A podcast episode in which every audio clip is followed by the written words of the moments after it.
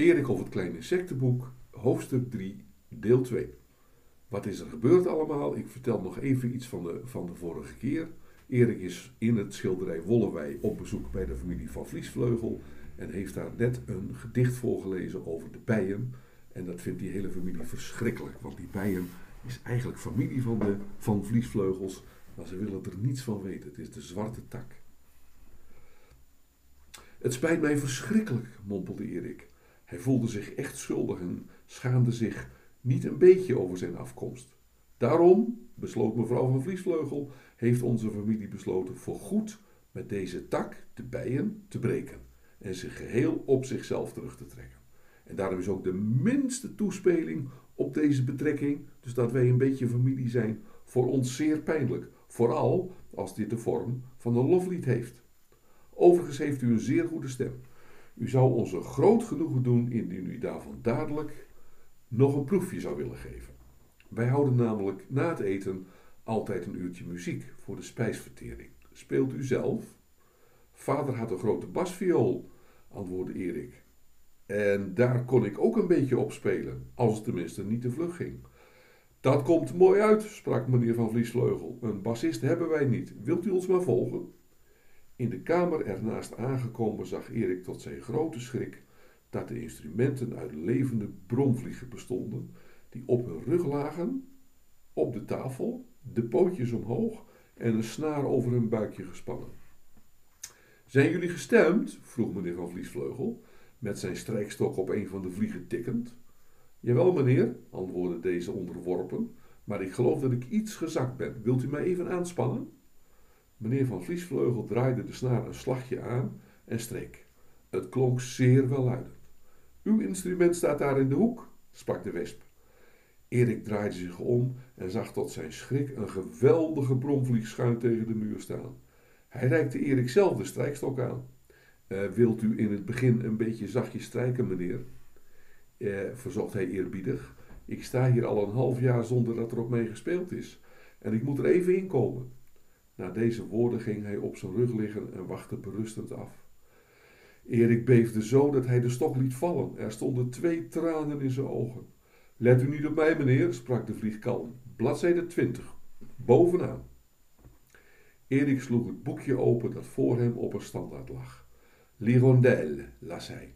En dat was nou juist het enige liedje dat hij spelen kon. Klaar, riep, mevrouw van, riep meneer van Vliesvleugel. Alle acht dochters zaten op een stoeltje voor hun bromvlieg en keken hem vol verwachting aan. Begin maar, riep Erik. En meteen deed hij zelf de eerste streek. Ah, wat klonk dat prachtig. Diep en vol bromde de noot na. L'hirondelle vole. En Erik, zweeg, en Erik kreeg er opeens plezier in. Na enige mate vergat hij de hele vlieg, stroopte eindelijk zijn mouwen op en streek dat de druppeltjes op zijn voorhoofd stonden. Zeer goed, schreeuwde meneer van Vliesvleugel boven het lawaai uit, met zijn pootje de maat meestampend.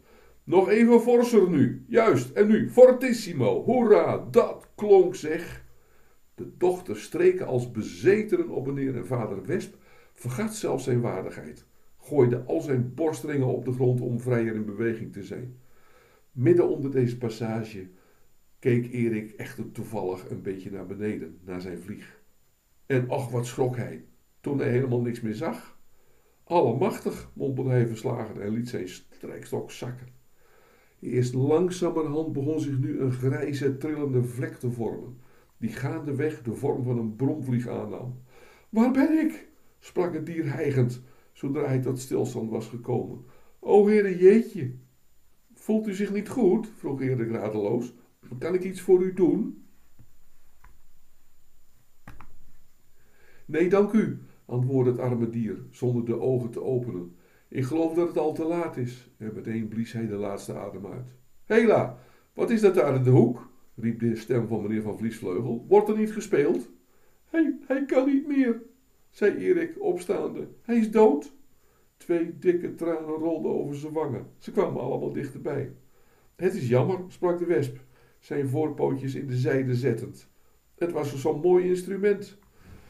U bent niet zeer gelukkig, meneer, sprak meneer P., die, intussen weer was binnengekomen. U doet voortdurend rare dingen. Ik kon het toch niet helpen, stamelde Erik. Het ging vanzelf. Dat is mogelijk, hernam meneer P. Maar het is toch wel vreemd dat juist u die dingen allemaal overkomen. Hè? Vindt u dat zelf ook niet een beetje raar? Hm? Nou? Hij keek het gezelschap veelbetekenend rond. Enfin, besloot hij, u bent tenslotte niet mijn gast. Ik heb u niet uitgenodigd. En meneer P. verliet kaarsrecht het vertrek. Erik voelde het duidelijk. Alle achting en het weinige aanzien dat hij zich verworven had hier, was onherroepelijk weg. Met meneer P. vertrokken door de deur. Het afscheid was dan ook zeer koeltjes. Ik zal u een hommel meegeven om, u, om uw hotel te wijzen, zei meneer van Vliesvleugel.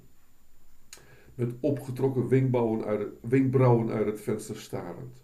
Erik gaf allemaal een hand en klom op de rug van de hommel. Vandaar wilde hij, ter verdediging van het menselijk geslacht dat hij op zo'n onwaardige wijze vertegenwoordigd had, een klein toespraakje houden tot de verzamelde familie. En hij begon. Hooggeachte wepsen, wespen, verbeterde de wesp. Erik bloosde en vervolgde: Ik heb hier nogal domme dingen gedaan, maar het zou verkeerd zijn als u dacht dat van de soort waar ik toe behoor ze allemaal zo deden. Ik ben eigenlijk nog geen volwassen mens, moet u weten. Hoe oud bent u dan? vroeg meneer Van Vliesvleugel. Negen jaar, zei Erik. Dan bent u negenmaal zo oud als ik, antwoordde de wesp droog. Vooruit, riep Erik tot zijn hommel. Hup! En in een wijde boog vloog hij de avond in.